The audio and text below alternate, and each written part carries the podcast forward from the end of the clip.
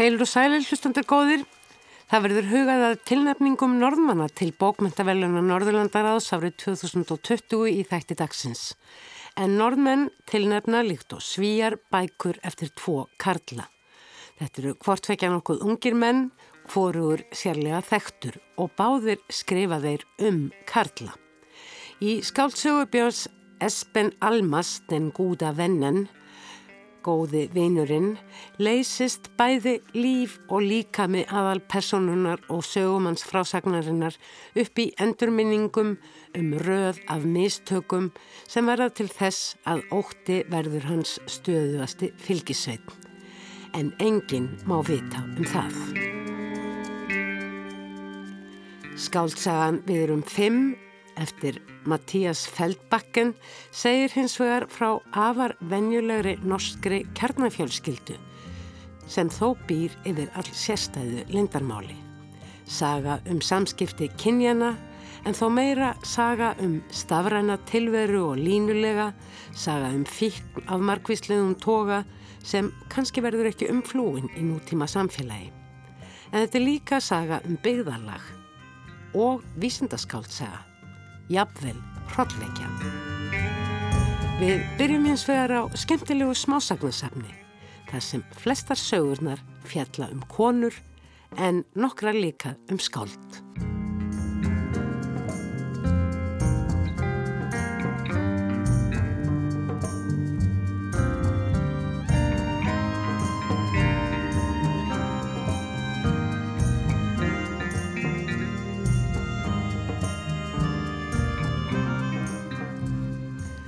Smásagan hefur undanfarin missir yfir að taka sér æmeira rými í íslenskum bókmyndum.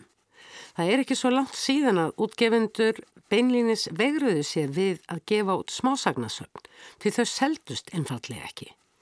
Smásagan er þó einstaklega heitlandi og getur tekið á sig ótrúlega fjölbreytileg form og mjög ólíkar bækur. Sumar segja frá kundagslegum viðburðum, aðrar eru surrealískar. Stundum tengjast sögurnar innbyrðis í bókinni, sömu personur og ferðið ólíkar aðstæður eða þær gerast allar á sama stað eða sagt er frá atbyrðarásinni frá ólíkum sjónarhornum. Ég hveti ykkur hlustendur til að kíkja eftir smásagnasöfnum, til dæmis á einhverjum þeirra þryggja bókamarkaða þar sem nú má fá fullt af bókum á góðu verði eins og það er kallað, já eða bara á bókasöfnum. Snemsöymars, núna fyrir tæpu hálfu ári, sendi Eglo Jónsdóttir framhaldsskólakennari frá sér smásagnasafnið Samhengi hlutana. Kápan á bókinni lætur ekki mikið yfir sér en vekur áhuga. Þar getur að líta á kvítum grunni, raukt og blátt vasslitaskí sem blæður ögn hvoru inn í annað en renna einnig út. Þess og kruss liggja svo svo litið ógreinilegar en strangar reglustrekkur og óljós súluritt. Eftir lestur bókarinnar þykir mér þessi kápa gefa nokkuð glögga mynd af innihaldi bókarinnar samhengi hlutana. En allar sögurnar gerast við afar raunsæðislegar aðstæður eins og í sömarbústað, á kaffihúsi í Grindavík, á bókasafni, heilsuhæli og við jarðaför. En ekkert er sem sínist og hver saga flæðir út úr sínum raunsæðislega ramma, hús standa í ljósum logum, bækur eru borðaðar lík, rís upp úr gröfum sínum til að láta rétta yfir sér og hámentaður forstjóru frá París reynist raunverulegt skrimsli. Samhengi hlutana skiptist í tvent. Annars vegar eru fimm mislangar sögur þar sem aðalpersonan er alltaf kona eða konur eins og í fyrstu og síðustu sögunni og er það sömu konurnar í báðum. Síðar luti smásagnasapsins er svo eins konar sagnasveigur um hann Jónas sem í fyrstu sögunni fer út í búð til að kaupa blað, bakka og egg svo hann megi heitla elskuna sína. Það kemur þó ekki vekk fyrir hann yfirgefa hann um hríð og haldi út í heim til náms í kongsins Kaupenhán auðvitað. Þar lærir hann náttúrufræði og kynnist þeim binna, konna og tomma. Og nei, hann dettur ekki niður stiga, heldur snýr heim aftur fyrr en síðar og tekur saman við rósu sína. Kaupir meira að segja handinni saumavél með ófyrir sjáanlegum afleðingum. Eigló er hinga komin, velkomin og til hamingi með þetta fallega hver. Þetta er svo lítil bók sem bókaútgáðan Björn gefur út en skemmtileg. Mér langar til að byrja um að byrja á því að lesa lítið brot til dæmis úr upphafsögunni, glæpasögu í etur, þar sem segir jú frá sömarbústaða ferðryggja vinkvenna sem eins og reyndar fleiri sögur í þessari bók fer svo litið öðruvísi en ætlað er. Sigriður fór út á verund með vandlega innpakka lærið. Lagði það á heitt grillið og sneri síðan aftur inn í bústæðin. Hún fyldist þögul með þegar Marja skarniðu salatið af slíkum ákafa að það myndiðu stjúpa rákir í skurðaberettið. Það er eins og hún sér henn að drepa salatið, hugsaða með sér. Eins gott að vera ekki á nálættinu með hennar nýf. Hvað ef hún missi vitið og æður um með nýfin og við þurfum að berjast fyrir líf okkar og ég rétt næ að bjarga jarðhrúði frá bráðum bana með því að stökka fyrir nýfslægið og fórna lífi mínu. Nei, nei, svona má ég ekki hugsa. Hún gekk aftur út af verenduna og stóði við lærinu í nöpru myndinum. Kuldin róaði hugan. Að tvennu yllu var betra að standa út í kuldanum og hlusta á kjötið krauma inn í álpapirnum en að láta undan ógnvænlegum hugsunum sem ásóttu hana. Hún hafði staðið þarna dágóða stund þegar fytudrópi lagnir á ristina og kvekti eldundi lærinu. Logarni leku um innpakka lærið og vörpuðu gullnum bjarma á bústaðin. Hún horfi á logan að dansa í stofuglugganum og glemdi sér eitt augna blik. Sá fyrir sér brennandi bústæðin og vinkonurnar að berjast við að sleppa úr eldhafinu. Hún einn kemi slífsaf og allir myndu sína henni svo mikla samúð og hluttekningu að Ætlar að kveikja í kofanum, rópaði Marja innan úr stofunni og barði harkalega í rúðuna.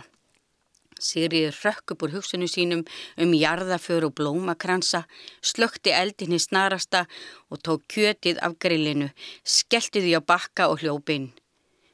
Jarðrúðu feikraði sem er harmkvælum að borðinu og settist. Sigriður lagði steikina varlega á borðbrúnina við hliðina á kartöblum salatu og öðru meðlæti sem Marja hafði útbúið. Hún leitt sem snöggast á vinkonu sína sem stóð við enda borðsins. Marja var með stóran steikarnýf í hendinni. Sveipurinn harður og óræður. Hún lifti nýpnum snögglega á stakkonum af alefli á kafi lærið. Blóð taumar lágunir á gólf. Þetta nú svolítil, já, segja má svolítil forspá, en hvernig svona var þessi saga til? Þetta er í rauninni svona óskup saglösar aðstæður sem að vissulega síðan leysast upp í glæp og harm og hvaðina? Já, þetta eru sko, ég hérna var mikið að pæla í á tímabilið þetta með, með hugsanir okkar.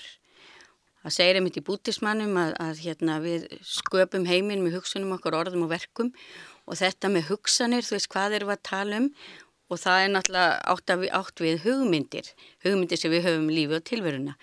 En ef við tökum það bókstaflega, bara hugsanir okkar, geta þær bara gert eitthvað veist, sem verður bara raunverulegt mm. eins og hún er að óttast þarna þessi kona, hún er búin að taka þetta algjörlega bókstaflega mm. að þetta geti skadat mm. og hún geti orsakað eitthvað ræðilegt með þessum, þessum ræðilegu hugsunum mm. svo við vitum að hoppa inn og út allavega förðulega hugsanir í hausina okkur allavega daginn, ég minna eins gott að fólk sjá það ekki sko, geti verið svolítið, já mm. En uh, það eru tvær sögur um þetta vinkvenna tríó í bókinni. Önnur gerist þarna í sumabústæðanum og hinn gerist á helsuhæli. Já. Þannig að það eru í bæði skiptin svona utan síns venjulega uh, ramma. Eru þetta einhverjar personur sem að þú átt, jáfnvel fleiri sögurum? Sko já, ég reyndar varm átti eitthvað aðeins smá fleiri en þessar konur sem ég reynda slefti úr, mér fannst það ekki alveg vera eitthvað neginn ekki tilbúið. En þær eru það er eitthvað neginn örður svona til og litlum brotum úr mér og, og öðrum sem ég þekki.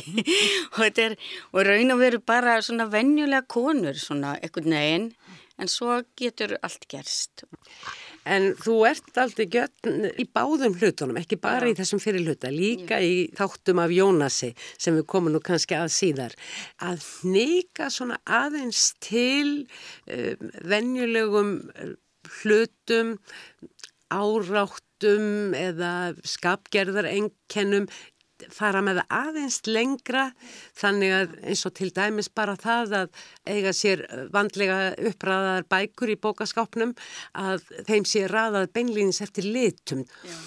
Og uh, að á endanum séu bækur jafnvel borðaðar. Þetta er eiginlega enkenna á öllum sögunum að, að, að þú ferð út fyrir ramman. Já. Fólk breytist í skrimsli e, eða er skrimsli benglinis eða breytist í vampýru og sigur blóður öðrum til þess að ja, kannski komast yfir e, skaldgáfu. Sko ég hefur ósalega gaman að þessu svona að skrifa í raunveruleikanum en fara svo út í eitthvað, eitthvað mjög svona grótesk og, mm. og hérna, surrealist. Það er eitthvað, þú veist, með hvernig maður getur hugsað svo fáranlega hluti oft. Mm. Í raun og veru þegar ég byrja að skrifa, þá byrja ég bara okkur í personu og svo bara fer hún að gera eitthvað vittlis og ég ræði ekkert við hann, skilur. Hún bara, þú veist, mm. í einni sögunu hún stekkur þarna hún í gröf. Þú veist, ég var ekkert búin að plana eitthvað endi eða eitthvað, þú veist, á neina þessu sögum heldur eitthvað neginn þá fara þær eftir að sagan er komin á stað, þá fara þær bara í ekkur að þessa átt. Sent á síðustu öldu um meðan tíund áratvín eh, sendur þú frá þér ljóðabók sem heitir Gjöf sem ég hef nú reyndar ekki oh, lesið okay. Eh, ásamta með dótturðinni Eirunu Ósk Jónsdóttur sem að hefur eins og þú sjálf reyndar líka gefið út fleiri ljóðabækur eftir þetta en 15 árum síðar eða eitthvað þínlíkt að þá ferð þú framhaldsskóla kennarin í mestaranámi reytlist. Já. Mér likur nú við að uh, spyrja, var mikið orrt og skrifað á ykkar heimili? Já, þetta er það kannski svolítið skemmtilegt að segja frá því að hérna, sko ég byrjaði sem batna, eða sem, sem hérna grunnskólakennari og ég var alltaf að segja börnunum sögur í tímum og ég var alltaf að segja börnunum mínu sögur og hérna, ég skrifa aldrei neitt niður. Ég bara sagði, ég bara spann skilur mm. alltaf. Alltaf reyndar orð ljóði gegnum tíðina átt í skúfum í hundrafís en svo hérna fór ég þegar börnum mín voru að fara að sofa þá las ég ljóð fyrir þau. Ég veit ekki hvort margir fórættur að gera það en ég las fyrir þau tíman og vatnið og, og svona síðasta blóm í heimi og allavega svona ljóð sem ég sem að, þú veist töluði til mínu, ég mm. já, já, það var gaman að því. Já, það var mikið lesið af svona bókmyndum og ljóðum og dótti mér var alltaf að skrifa og ég er náttúrulega kvatti hann áfram í þessu, alveg framöttur öllu, en einhvern veginn, veit ekki, ég var einhvern veginn, einhvern veginn alltaf bara, æ, ég veit það ekki. Mm. Þetta er bara eitthvað, mm. kannski eitthvað tíma og svo þegar hún var þarna hvað 16 ára eða eitthvað þá var það mamma, mér langar svo ekki út ljóðabók bara þórið það ekki jú, jú, getur alveg gert það, ekki vilti gera með mér. Og ég alveg, ups ok. Þetta var í raun og veru þannig. Hún fekk mér til að vera með í að gefa út þessa ljóðbók mm. og svo bara eftir því sem ég var að fylgjast með henni og eftir því sem bara eitthvað laungun í að skrifa kom meira og meira og meira. Mm. þegar maður var svona hætta í barnauppheldinu og því öllu skilur hafði tíma meira og hann að vinna í framhaldsskóla, þetta var eitthvað neginn svona öðruvísi. Og þá fekk ég tækifæri, þá fekk ég tækifæri til að fara í, sagt, í námsleifi og þá bara skellti mér í reillistina mm. í meistaranámu og það bara, það var dásamlegt og bara opnaði fyrir mér nýja, nýjan heim og ég veit alveg hvað ég er að fara að gera þegar ég er komin eftir laun. Þetta er svo skemmtilegt. Og svo gafst þú út ljóðabók sem heitir Áttun, ég hef heldur ekki lesið hana skal viður kent og eins uh, uh, barna litabókum ljótasta jólasveinin sem er fyrst nú spennandi titill. Já, já, ljóta jólasveinin. Ég skrifaði hann ef ég var hérna í rítlistin. En þessar uh, smásögur, hvernig verða það til? Er þetta bara eitthvað sem þú sest við í sömarfríum eða ertu svolítið sískrifandi? Sko ég, hérna, til dæmis Jónas, hann bara fættist fyrir eitt reillistatíman. Hann bara skrifaði sig eitthvað neginn í háskólanum og svo voru hinnar svona hluti af því eitthvað að þessi byrjaði á og hérna, jú, mikið í sumabústa, ég viðkenni það alveg og hérna sagan um, um hérna heilsuhælið eftir að ég hef farið í hveragerði það var mjög skemmtilegt mm. Þannig að það er svona þinn eigin kvöndagur sem að líka svona kveikir sögurnar. Já, það er það og svo ég heyri eitthvað bara, ég voru með einhvern tíma að ræða saman, ég og dóttir mín og vorum að pæla í bókum og hún sagði mér einu vinkona hennar ræða í bókum eftir lit mm. og ég ræða þeim eftir stærð og hún ræða þeim eftir efnisflokkum. Mm. Var dætt þessi hugmyndum konuna sem að sem að þurfti að hafa þetta allt eftir lit. En bækur, þær komast aldrei við sögur og eins skáld, þú nefnir þarna nokkuð skáld, þú nefnir auðu öfu, Kristín Ómarsdóttir, dóttur uh, Guðbergur Bergson, er nú bara personabeinlýnins í einni sögunni með taupokkan sinn og kaffihús í Grindavík heitir svo saga og er mjög skemmtileg og endar væga sagt uh, ádáldið annan hátthöldur en maður kannski býst við. Er þetta uppáhaldsskált hjá þér? Sko ég verði eiginlega að segja þér að hérna meðan Guðberg, alltaf dásamlegur í tjóndur og sko, mikið skált, að hérna hún er byggð á sagt, raunverulegum atbyrðu en sagt, við vorum að fá, fórum hérna hópur í reytlistinni í Guðbergsamt og hitta, hitta sjálf skáldið. Og hann bara segir já, förum hérna kaffihús og eitthvað. Og hann lappa með okkur að kaffihús. Og hann var með hennan slittna taupoka á aukslinu og ég var eitthvað svo þú veist, mér fannst þetta eitthvað svo stórkostlegt þessi sildi maður og þessi, þú veist, mikil, miklu höfundur og hann að lappaði með okkur úr safninu og niður í hérna, þetta kaffihús og, og svo satt hann bara og spjallaði við, þú veist Já. eigandan og, og var, þetta var eitthvað svo surrealist Og svo skrifar þessi maður þessi stórkoslegu bækur, hugsaður þú? Já, nákvæmlega þá, þá bara myndaðist eitthvað svona mm. Bjóði þetta til og, og var náttúrulega líka á þeim tíma hún að vera að lesa hana, hana Öfu, eitthvað heitir hún, Öður Afa og Kristín Ómas mm. það var mjög upprifinn mm. því sem hún var að skrifa mm. og þau einhvern veginn duttu þarna bara inni og voru með og, og hérna, þá varði ég líka að setja hann hérna Jóhann Jóhann Sigur Jónsson já, já, þó að það sé föðunarni sé vissuleg ekki nefn en já, uh, það eru svona setningar úr ljóðumann sem að uh, uppljóstra því hvert þannig um að ræða. Þetta gengur til til að leiða út frá þér þessir tekstar Sko oftast ef það gert það ég hérna því byrja, byrja að skrifa og svo eins og ég sagði þá kemur bara það, þessi óvandi endi bara einhvern veginn kemur ofta því ég er ekki búin að hugsa mm. ég er ekki búin að pæla hvert hvert fer þessi ósköp eigilega mm. nema sagan þarna um svanasöngin því það var að ekkur djúpur svona þráður þar varðandi þjáningu mannesku sem hafði upplifað sig að vera á vissanátt misnotuð af eitthvað sem hún tristi mm. og síðan ekki metin þannig að það var svona mm. það var svolítið píldi sásöki en samt hérna skiluru mm. sem ég fann til og það var erfiðasta sagan held ég. Já. Já, hún er mjög harmræn Já. þó hún sé líka að sínu leiti sko fyndin þessar myndir úr erfdrykjunni og allt það. Já, en hún en, gerir þetta upp ekkert neginn á ekkert hátt, þá gerir hún það mm. þó það sé á mjög óeðlunum stað. Svo er það Jónas sem að uh, skiptist líka eins og fyrir hlutin í, í nokkra kabla og sá fyrsti heitir þegar Jónas fór út í búð og ég bæti við til að kaupa en ekki hvað, blad, bakka og egg.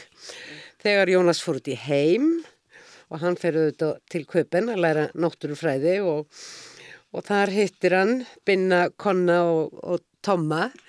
Ég baði um að lesa kannski lítið brot einmitt af þeirri hérna þeim e, samfundum þegar að hann hittir þá í fyrsta sinn og hlustendur veit að náttúrulega hverja hér er um að ræða. Viltu vera mem? spurði Binni og leitt hýrum augum á Jónas. Áttu við hvort mér hugnist að ganga til liðsveiku félagana, svaraði Jónas og niklaði brítnar. Einmitt, einmitt, rópaði Binni og brosti kankvíslega til sinna manna. Við ætlum nefnilega bjarga þjóðinni frá eilifri heimsku og smásálarskap. Nú skal hugsa stórt. Við erum sannir íslitingar komnir að hetjum sem riðum héruð og við lítum á það sem okkar heilu og skildu að beina okkar smáðu þjóð á beinu brautina, sagði Tommi. Kennan að lifa flott, við ætlum sko að gefa út lífstílsbók, bætti Benni við. Lífstílsbók, það er ljótt orð, svaraði Jónas ákveðnur ómi. Heyrið ekki hvernig essin skella hvert á öðru eins og hvæsandi kettir? Ég vildi nú kalla það sjálfsjálpat bók, svaraði Konni. Ekki batnar það. Hér er ekki vann þörf á minni aðstóð, svaraði Jónas. Þreifi minnisbókina sína upp úr vasanum og hófa skrifa. Það styrndi og gnistaði undan pennanum og orðin dönsuði í öllum regnbúans lítum eftir blaðinu. Vá, þú ert okka maður, hrópuðu félagarnir allir í kór og báru Jónas á herðum sér um borgina inn á hverja einustu krá og hverja einustu knæpu til að skála fyrir framtíð Íslands. Það er nú augljóst að þú ert aðdáðandi Jónasar en þér finnst líka eins og hann hafi verið gerður kannski aðeins heilagur um of. Já, ég viðkynni það. Ég er mikill aðdáðandi og hérna ástarstjarnan. Mm. finnst mér alveg dásanlegt og þetta síðasta erindi hérna háaskilu, netti, hýmingeimur, blaðskilu, bakka og egg sem ég er náttúrulega vitna svolítið í hérna. En hérna, en svo er hann Jónas minn, hann er ekkit, þú veist, það er ekki allt fullkominn sem hann skrifaði. Og við vorum ekkert um að ræða þetta og ég og Eirun dótti mín, þú voru að segja mér, minna, ertu búin að lesa efst á Arnavars hæðum, oft hef ég fá ekki beitt, það er allt það ekki í vötnum, það er eitt réttarvatn eitt mm. þetta er eitthvað svo það hefði bann geta að skrifa þetta mm. kannski skrifa þetta sem bann, ég veit það ekki mm. en það er eitthvað neginn allt sem hann hefur gert svo upphafið og mm. þjáningan svo mikil og stór mm.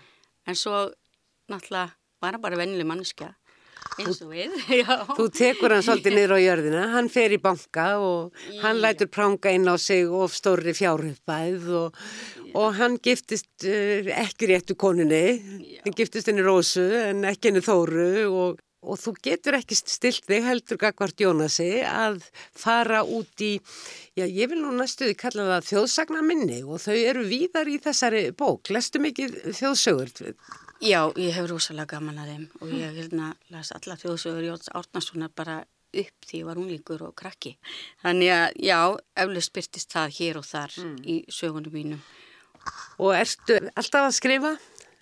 Ég var að klára ganga frá í miður COVID-inu ljóðabók sem heitir, ég held að ég kalli bara alls konar ekki neitt, ég veit það ekki, ég er svona vinnuheitið. Mm. Hún er tilbúin en svo er ég, hérna, er það hérna í Björn bókabeitunni þessar indislu konu sem er mér það þá bókaútgáfu að hérna ætla að gefa út barnabók hjá mér eftir, eftir, mig, núna eftir mig, núna í hérna bara eftir áramót. Mm -hmm. og það er, þá er ég að taka svolítið svona minni úr sem sagt hérna hún sögum eins og Galdarkall Mjós það er stelpa sem að fer í svona ævindýra heim og ég er að snúa svolítið upp á það, ég er að samt að leika mér með það, sem, það minni sem að er veist, í þeirri sögu mm. og fleiri svona sögum mm. sem að kannski galdrakallin er eitthvað allt annað en hann allir held að væri og, mm. og stelpan líka og svona, já, ég nota svona personur, já, mm. og þær fari í annað ævintýri. Þær eru svo frábærar að gefa út, þess að það er að gefa út sögur fyrir yngstu lesendunar sem er mm. byrjaðar að lesa kalla þetta ljósaserían. Og svo er ég að skrifa fleiri barnabækur mm. og svo ætla ég að fara að skella mér í fleiri másugar. Það gefur manni svolítið mikið rými eitthvað neginn. Það er þessi, þessi stittri form sem að heitlaði me meira þessa stundina. Já, já, það er það. Ég, ég, ég viðkenni það. Ég er meira, meira þar. Eigló Jónsdóttir, kæra þakkir fyrir komuna og, og takk fyrir þessa skemmtilegu bók. Hún kemur virkilega óvart. Takk að þið fyrir.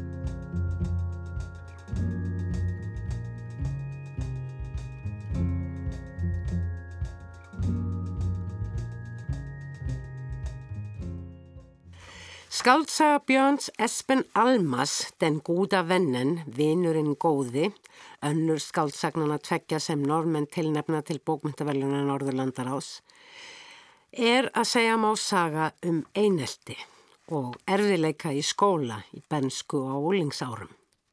En þó ekki bara, þótt þessar minningar sæki stöðugt á huga sögumanns.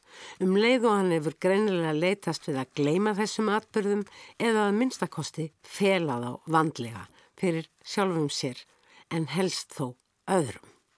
Sagan hefst 28. júli árið 2013 þegar ung hjón ganga inn í glukkateldaverslun í þenn tilgangi að kaupa myrkvunargardínur í nýja íbúð sína.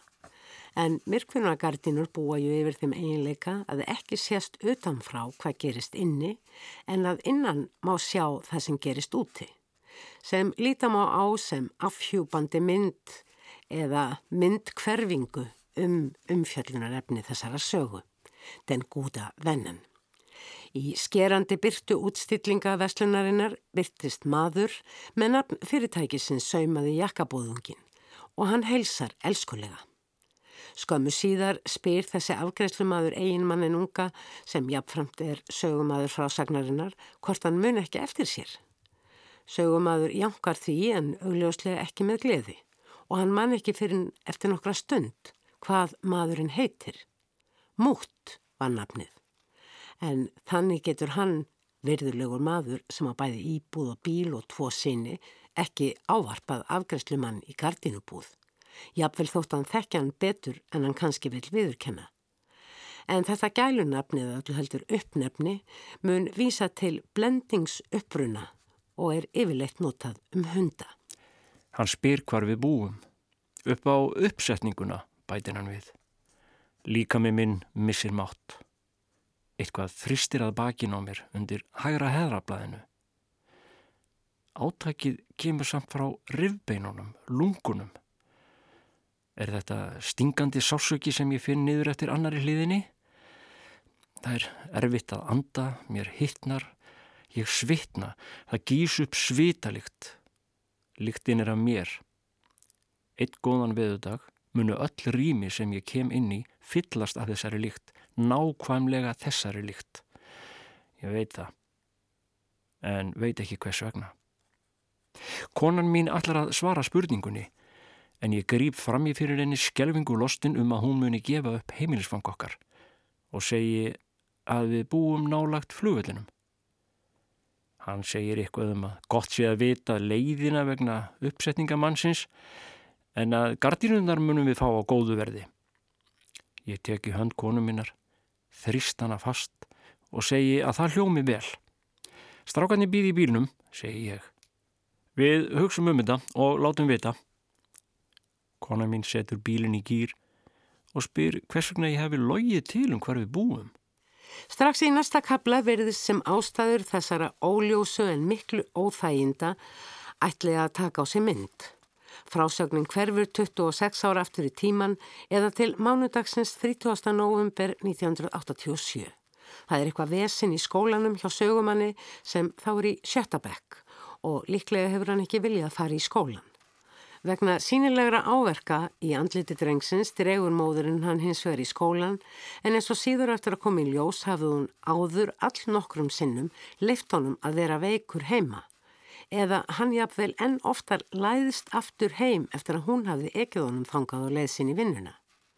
En nú, þar að segja upphafi sögunar den gúta vennin, þegar drengurinn er blár og maðurinn í andliti, vill hún komast til bots í málinu.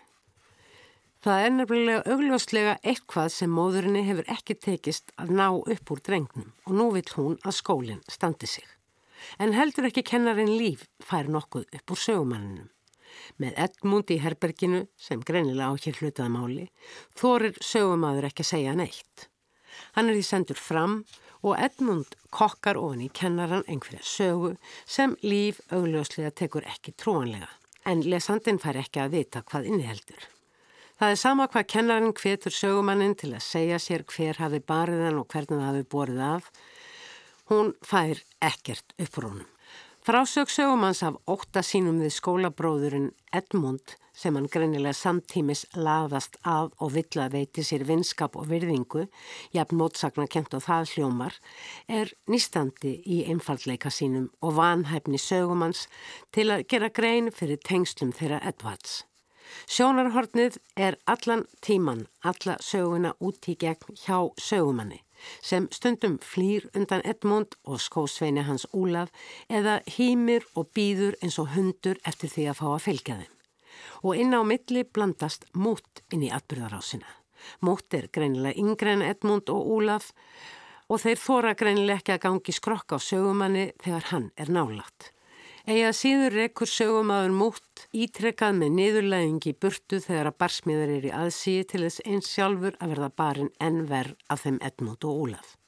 Þetta er flókin frásögn um þann vefnað ofbeldis sem getur orðið til þar sem leiðir minni máttar í samfélaginu liggja saman og aðstæða sumra er dæmt til að vera eilifu vonlaus og meðan aðrir fekra sig hægt örlítið upp á við nógu langt til að vekja öfund eins og foreldra sögumanns en ekki nógu langt til að geta staðið með sjálfum sér og seininum í þessu tilviki. Það er dæmi gert hvernig sögumadur sem úlingur á sér enga ósk heitar en að byggja mútt afsökunar eftir að hafa óbeint fyrir þrýsting þegar Edmunds og Ólafs niðurlagt hann með fúkerðum. Hann þekkir augljóslega sjálfur þá tegund kúunar sem hann sjálfur þarna beitti mútt. Hvað gerist ef hann stillir sér upp fyrir hlið mútt er hins vegar óþægt svæði sem hann fórir ekki inn á eftir því sem best verður séð. Eftir barsmiðarnar ákveður hann þó að fylgja mútt eftir. Hann veit augljóslega hvað hann geti haldið sig og hann vil byggja hann afsökunar, eins og áður sagði. En hann kemst aldrei alla leið. Því á vegi hans verður annar kúari, sex eða sjö árum eldri en sögumadur sjálfur og hafði sá á sínum tíma haldið öllum smástrákum hverfisins í gíslingu, þar á meðal sögumanni. Og gengur þessi náungi undir nafninu Leon eða Ljónið. Þegar þarna komið sögu við erum ennstödd í öðrum kabla bókarinnar, fyrsta kabla endurlits til benskunar og áður nefndur Leon verður sem sagt á leið sögumanns, á leið hans til að byggja mút afsökunar. Leon setur góður með sig í sínum kátilják með ljóshærðri jafnöldru sögumanns sem hann hefur lengi langað að kynnast betur. En hjóra sig nú upp af fyrrum kvalarhans, reykir og hlustar á kiss. Á þess að gefa því gaum hvernig Leon stukkar sögumanni burtu og kallar fram í huga hans minningar um það hvernig Leon hafði þegar sögumadur var helmingi yngri, 5 eða 6 ára, hótað honum og félögum hans að hengja þá og jafnvel sett likju um háls eins þeirra. Sjálfur hafði hann þá mýið á sig, auðmingi sem hann var, í stað þess að æpa á hjálp. Leon ætlaði að hengja okkur alla fyrir utan raðhúsið. Engin okkar stakk af. Við stóðum bara allir og byðum eftir því að verða hengtir. Mér var mál að pissa og þegar ég leiti í kringum mig fann ég að allir byðu. Einn af okkur ætti eftir að deyja í dag. Það batt okkur saman. Alla strákana í göttunni. Þannig er það. Þótt að virðist allt í lægi þá þóri ég núna ekki að ganga fram hjá Leon til að komast til mutt. Mig svíður í auglokkin og ég er með slátt við gagnaugun. Á ég virkilega alltaf að vera hrættur.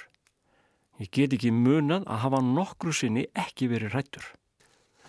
Den gúta vennen vinurinn góði, er flókin og afar finlega ofin saga. Saga um angist, skelvingu, óta og hvernig slíkt verður að viðvarandi ástandi í lífi einstaklings, í lífi manneskunu og getur hana innan. En sagan er ekki bara flókin vegna þess hversu djúbstæðar rætur óttans eru og finlega saman fléttaðar. Frásagnar aðferðin er líka verulega rugglandi. En svo ljósma vera er sagan á tveimur plönum. Annars sögur er sögumadur orðin fullorðin, tvekja barna fadir og eiginmadur, líklega í góðri stöðu þótt lesandin fái aldrei að vita neitt um það. Og hins vegar er hann 12 eða 13 ára gutti að reyna að gera sig gildandi í strákagengi hverfisins meðal annars með því að vera í skátónum og í fótbolta. Sagan í núinu hefst eins og áður sagði á kabla sem ber titilinn Mirkvunagardinur og dagsetninguna 5. dagur 18. júli og spannar sálhutu segunar tvær vikur um það byl en næst síðasti kabli bókarinnar ber yfirskriftina Ég er skuggi á samt dagsetningunni 3. dagur 30. júli. Sagan af samskiptum drengjana er hins vegar sögð aftur á bakk. Hún hefst eins og áður sagði þann 30. november á mánudegi og fekra sig síðan í snögtum fleiri köplum en atbyrðar ás veiknuna tveggja frá árinu 2013 aftur um þrjá mánuði eða til lögadagsins 29. ágúst og ber sákabli yfirskriftina Ég er sterkur. Hér er með öðrum orðum ekki á ferð endurliti hefbundnum skilningi, heldur er frásögnin beinlinis rakin aftur á bakk, ákveðna daga á áðurnemdu tímabili. Ekki verður því þó haldið fram að þessum síðasta degi sé einhverju atviki eða aðstæðum ljóstrað upp sem gefi lesandanum óíkjandi samhengi þess sem var þess valdandi að sögumadur varð svo angistarfulla persóna fullvaksta kallmanns að hann líklega er alltaf að leika og því afar ótrúverður sögumadur þegar upp er staðið. En honum hlýtur að hafa tekist bærilega upp því hann áþá eiginkonu, tvo síni, hús og bíl er það ekki tákmynd einhvers konar velgengni. En við fáum aldrei að veita neitt um þá sögu eða aðdraganda þess. Við lesendur fylgjum aðeins eftir sjónarhorni hins ángistafulla sögumanns. Finnum hvernig hann er alltaf á varbergi og jafnvel að reyna að diljast fyrir okkur lesendum. Þetta er Karlasaga, saga um mislukkaða karlmenn, engum eitt þó, og jafnvel líka litla stráka í núinu sinni sögumanns, sem hljóta jú að búa við afar brokkenga fyrirmyndum eigið kinn í hinnum helsulösa föðu sínum, sem finnur fyrir andþrengslum, fær svimaköst, ögloki festist upp um hríð, þannig að hann getur ekki lokað auganu, sem kannski er tákmynd fyrir það hvernig hann fylgist stöðugt með umhverfi sínu og hvernig það dæmi sig. Viðbúin einhvers konar árás, rétt eins og þegar hann var smástrákur í raðhúsakverfinu. Þrjár konur eru reyndar til staðar í þessari mjög svo þókukendu mynd af hinnum ónafgreinda sögumanni, móðurinn, kennarin líf og eiginkonan. Og virðist þeirra hlutverkna er engöngu bundi við það að krefjast einhvers af sögumanni. Konan vil vita hvað hrjái heilsans. Kennarin þrá spyr hver hafi bariðan og hvers vegna og móðurinn vil vita hvað hafi orðið af dagatölunum sem hann átt að selja fyrir skátana en gufuðu upp og sölu auðrarnir líka. Þar veit lesandin þó einu sinni betur því almanökin lendu í potli og síðan í ruslatunnu. Vegna þess sem virðist vera vandi sögumanns frá upphafi og allt til enda sögunar. Nefnilega að geta aldrei tekið rétta ákförðun um hvort skuli rökva eða stökva. Við lóksögunar erum við lesendur þó litlu nær og alls ekki um það hvað skuli fela með myrkvunargluggatjöldunum sem voru upphaf þessa sögumadur hóf að segja þessa sögu án þess að afhjúpa nokkur tíma til hvers. Den gúda vennan er sérstök saga, upphaf hennar er óljóst og endurinn ekki síður. Eftirminnilegasta personan og kannski eina vonanar er í mínum huga yngri sonur sögumanns Íver sem verður svo eini sem gerir sig grein fyrir að það er eitthvað að pappanum um leið og hans sínrónum raunverulega væntum þykju. Ekkert bendir þú til að það bæti stöðu pappans eða líðan, en lesandin vonar sannlega það besta fyrir yfirlitla. Eldri sonurinn verður, eins og reyndar fleiri personur þessara sögu, mjög óljós. Den gúta vennen er lástend bók sem talar djúft úr yðrum manns sem þegar upp er staðið virðist einfallega aldrei hafa lært að tjá sig. Svara fyrir gerður sínar, góðar og slæmar, þótt hann svo gerðn hann vilji. Hinn þögli karlmaður kemur upp í hugan og allur sá mikli farangur sem hann þarf að dröstlast með í gegnum lífið. Frásögnin í skáltsögunni den gúta vennen er þó of einhliða sjónarhornið of þröngt hjá sögumanni til að veki raunverulegan áhuga. Að minnstakosti þess lesanda sem hér talar.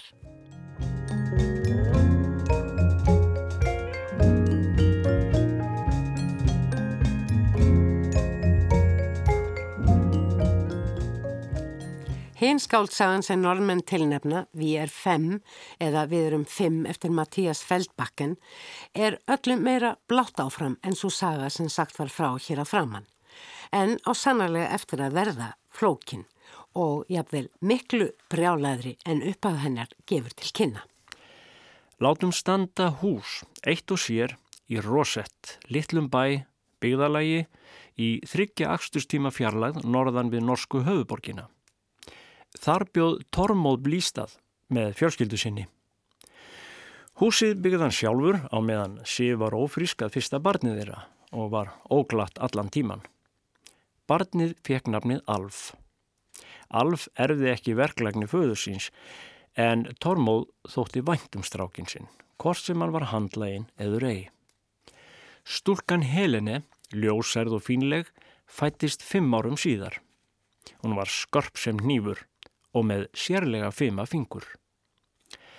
Fyrir utan að vera tröstu náungi sem sá vel um fjölskyldu sína var Tormóð blýstað einstaklega flottur náungi. Já, hann var beinlínis fríður sínum. Hann sá það ekki sjálfur og Sif hafið engan áhuga útliti hans lengur, en flottur var hann. Hár, grannur, fríður, velvaksinn, lit bara betur út með árunum, eins og eigartríja. Fólk í byggðalæginu skáskaut augunum og muldraði þegar það sá fjölskyldin í búðinni. Hún var heppin, hún Sif, sagði það, og það hafið það alltaf sagt. Hún náði í þann besta. Það var ekki mikið úrval á stað eins og Rosett. Ekki ekkert að tala um marga ólíka hópa, kannski tvær, þrjár tiltir í hverjum árgangi. Tormóð og Sif fundu hvort annað undir lok grunnskólans og þannig var það áfram. Tormóð leifti aldrei heimdraganum, hann var engin heimsmaður, engin utan Rosett hafið séð hvað hann leitt vel út. Í framhaldsskóla áttu Tormóð og Sif erfitt tímabil og það lág við að þau mistu hvort annað. Tormóð lendi út af beinubrautinni og fjallur skóla en Sif síndi hvað hann gatt, tók utanum hann og kom honum aftur á stryk. Því gleymir Tormóð aldrei. Það má segja að Tormóð hafi byggt húsið til að sína Sif þakklæti sitt fyrir það sem hún gerði fyrir hann þá og þar likur upp af þessara sögu. Sagan hefst reyndar með kinnum þeirra Tormóts og Sivjar. Eða kannski ekki síður með kinnum þeirra Tormóts og Espens. Og það er farið hratti við sögu. Það er Espen sem kinnir Tormót fyrir amfetamíni. Tormót er ágætur nefandi en fullur af amfetamíni verður hann afburðanemandi. En næmari og ógn snöggur að átta sig á hverskynst lausnum. Raungreinar líka vel fyrir honum ekki síst starfræði engum tölvunarfræði. Kennarin er ofan dottin og kannski líka svo litið upp með sér að finna í þessum smábæjar framhaldsskóla svo frábærlega skarpan og hugvitsama nefnanda sem hreinlega getur allt í sambandi við tölfur og upprennandi gerfikreind.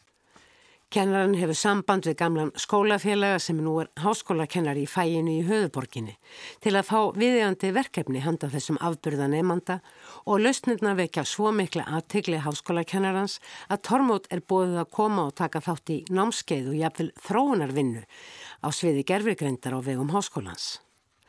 Endalus kersla í efnum sem þeir félagarnir Tormót og Espen kokka saman og kalla marsipan kann hins vegar auðvitað ekki góðri lukka að stýra til lengdar. Og það kemur að því að þessi frábæri nefandi tekur æg oftar að missa stjórn á sér og auðvitað sinnir hann aðeins því í skólanum sem vekur áhugans og að endanum hættir hann í skólanum.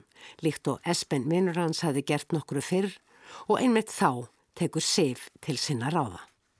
Hún pakkar tormót beinlinins inn í bíl foreldra sinna, skellir hurðinni á nef móður sinnar og viðtekur tvekja tíma akstur í þögn í sömarbústað þar sem eftir tvekja vikna kvalafulla einangrun er snúið til þess lífs sem líst er í upphafi bókarinnar.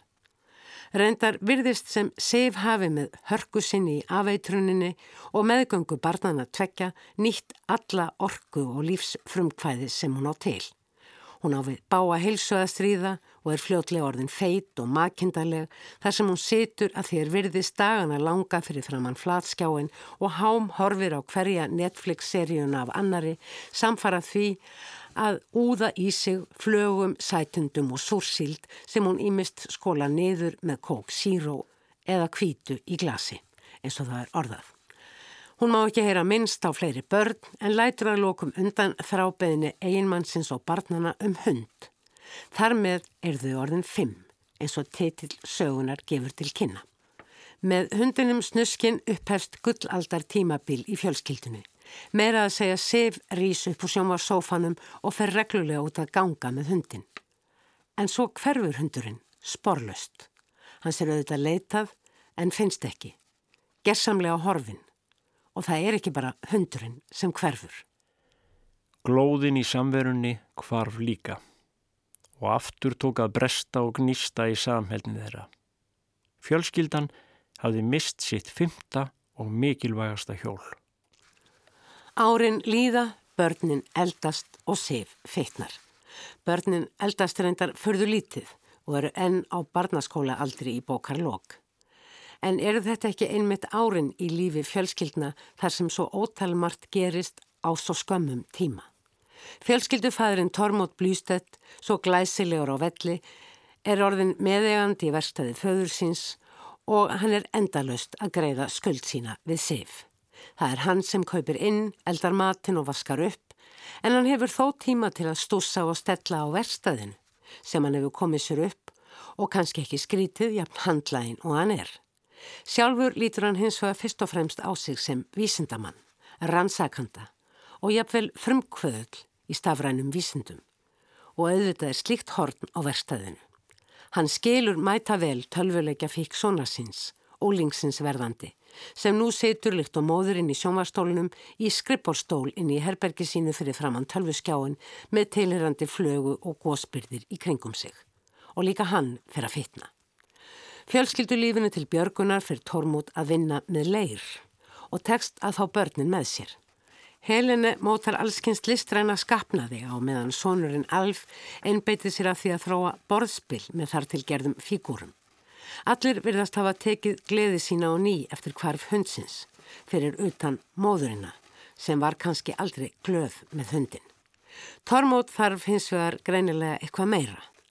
Hann tekur að þróa áfram rauðleirin sem hann sækir sjálfur í jarðvegsæð í byggðalæginu.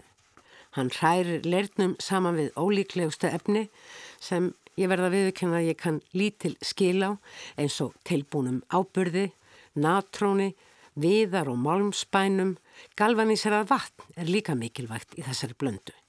Öllu er svo hrært saman í mikillir hrærivél og leirin þróast, öðlast eins og einhvers konar minni um form sem hann hefur áður tekið á sig. Mann verður hugsað til nýrar tækni við að rétta dældir í bílum. Blikkið búi einfallega yfir minni um sínar eiginlegu útlínur og hverfi aftur til þeirra ef kemur begla. Netið eru þetta vettvangur þekkingarleitar þormós í tengslum við leirklumpin og netið leinir engan neinu.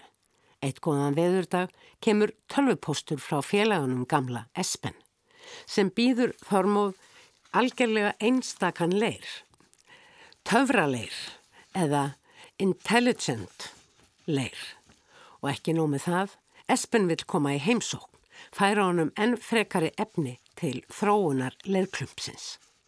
Tormót hittnar innvortis við tilhugsununa um að hitta Espen aftur eftir öll þessi ár.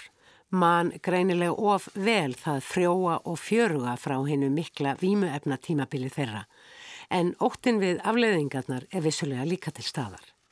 Óttin lætur þó á endanum í minnipokan fyrir spenningnum. Eina helgina þegar að Sif og börnin hafa farið í helgarheimsók til foreldra hennar mætir Espen og þá er sannarlega eksperimenterað á verstæðinu og það í fleiri en einum skilningi með hjálp allra handana vímugjafa og við undirleik metallica plötunar Kill 'em All úr megagræjunum í Pick-up Epsens vinna þeir félagar að þróun leirklumpsins sleitulöst dag og nótt alla helgina og fram á mánudags morgun þegar fjölskyldan snýr aftur. Espen og Pick-upin eru þá hornir og braut og Tormót segist veikur. Hann veit hvað hann þarf að gangi gegnum til að ná sér aftur eftir þetta gigantíska fall og virðist takast það þokkalega. Lífið gengur sinn vana gang en þó ekki. Því ljós kemur að einhvers konar líf bærist með leirklumpnum. Ég kann ekki að útskýra það en einhvers konar gerfigrindardóti hefur augljóslega verið blandað í leirin. Það er hægt að láta klumpin framkvæma markvíslega verk auk þess sem hann bregst líka sjálfstætt við. Hér er með öðrum orðum komin einhvers konar róbott.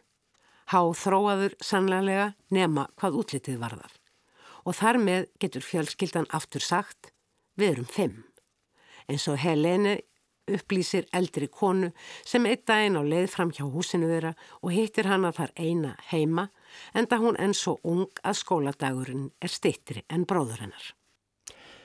Konan spyr hvort hún sé úti að hjóla. Jú, ein mitt, samsýnir helinni. Ertu ein? Nei, fjölskylda mín býr hér, útskýrir helinni. Svo þú átt sístkinni, hvað eru þið mörg? Fimm í allt, svarar helinni. Og hvar eru allir? heldur svo gamla áfram að spyrja. Nú, ég er hér, svarar helinni. Tvö okkar er í vinnu og einn enn í skólanum, bætir hún við. Og einn er mold. Hvernig þá mold, spyr svo gamla. Nú, mold, endur tekur helinni. Svo gamla gæti ekki skili þetta. Ef tveir fjölskyldum meðlimir voru í vinnu, einn í skóla og stúlkan sjálf heima við, þá verður fjögur ekki sett. Þú verður að útskýra betur. Þannig er það, segir Heleni.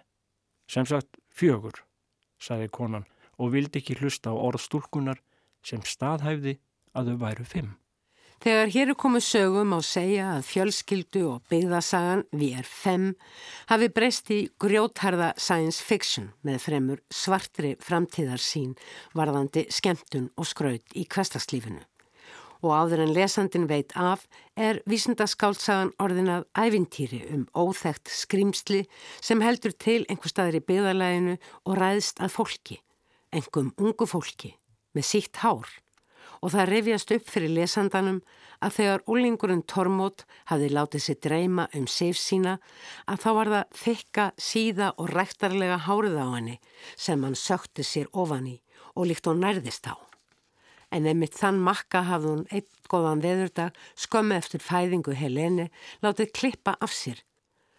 Það verður ekki annað sagt en að skáltsagan Við er fem sé ekki bara ótrúlega hugvitsamleg og jafnvel brjáluð á köplum, skiptandum stíl og frásagnarmáta með vísanir í allra handana popkultúr áratögana hvort sínu megin við aldamótin, sagan er líka afar vel skrifuð, jafnvel ljóðræn. Hún er spennandi og vekur sannarlega margvísleg hugreiningatengsl. Höfundurinn Mattías Feldbakken mun vera þekktur myndlistamadur í Noregi og víðar og hann hefur allt frá árinu 2000 sendt frá sér allmargar bækur sem vakið hafa aðtegli fyrir frumlega og að þér virðist afar fjörlega nálgunað við fangsefnum sínum sem meðal annars, eftir því sem ég hef komist næst, hafa fjallað um ungt fólk, klámvæðing og ofbeldi, fíkna margvíslegum toga og vímuefni. Enda eru lýsingar hans á rúsi þegar félagana Tormóts og Espens í þessari bók við er fem afar samfærandi. Svo virðis sem normin hafi beinlinist tekið ákverðun um að tilnefna til bókmyndavellunar Norðurlandaráðs árið 2020 bækur sem koma á óvart og sækja áhrif sín út fyrir bókmynda og menningarlegt samhengi Norðurlandana. Þannig er Björn Espen Almas í rauksendafæslu domnendar spynt saman við höfunda og borði Nobelsverlunarhafan franska Patrik Modiano en líka við landahans Emanuel Boll sem á fyrirluta 20. aldar sendi frá sér fjölda skáldsagna þar sem hann greindi sálarlíf og tvískinung borgarastjættar síns tíma. Áhrif Mattias R. Feldbakken eru hins vegar ótvírætt úr alþjóðlegum popkultúr samtímans. Það verður spennand að sjá hvort annar hvort þessara höfunda endar með heiður skjál bókmyndavellunar Norðurlandaráðs þann 27. oktober næstkomandi. Sjálf er ég eins og kannski heyra má snögtum hrifnari af Mattias Feldbakken og fimmenningunum hans en svo bók gæti líka heitið Við erum aldrei einn. Við lifum jú á 21. öldinni. Fleiri verða orðum bækur ekki að þessu sinni. Tæknimaður var Markus Hjaldarsson. Takk fyrir að hlusta. Verði sæl.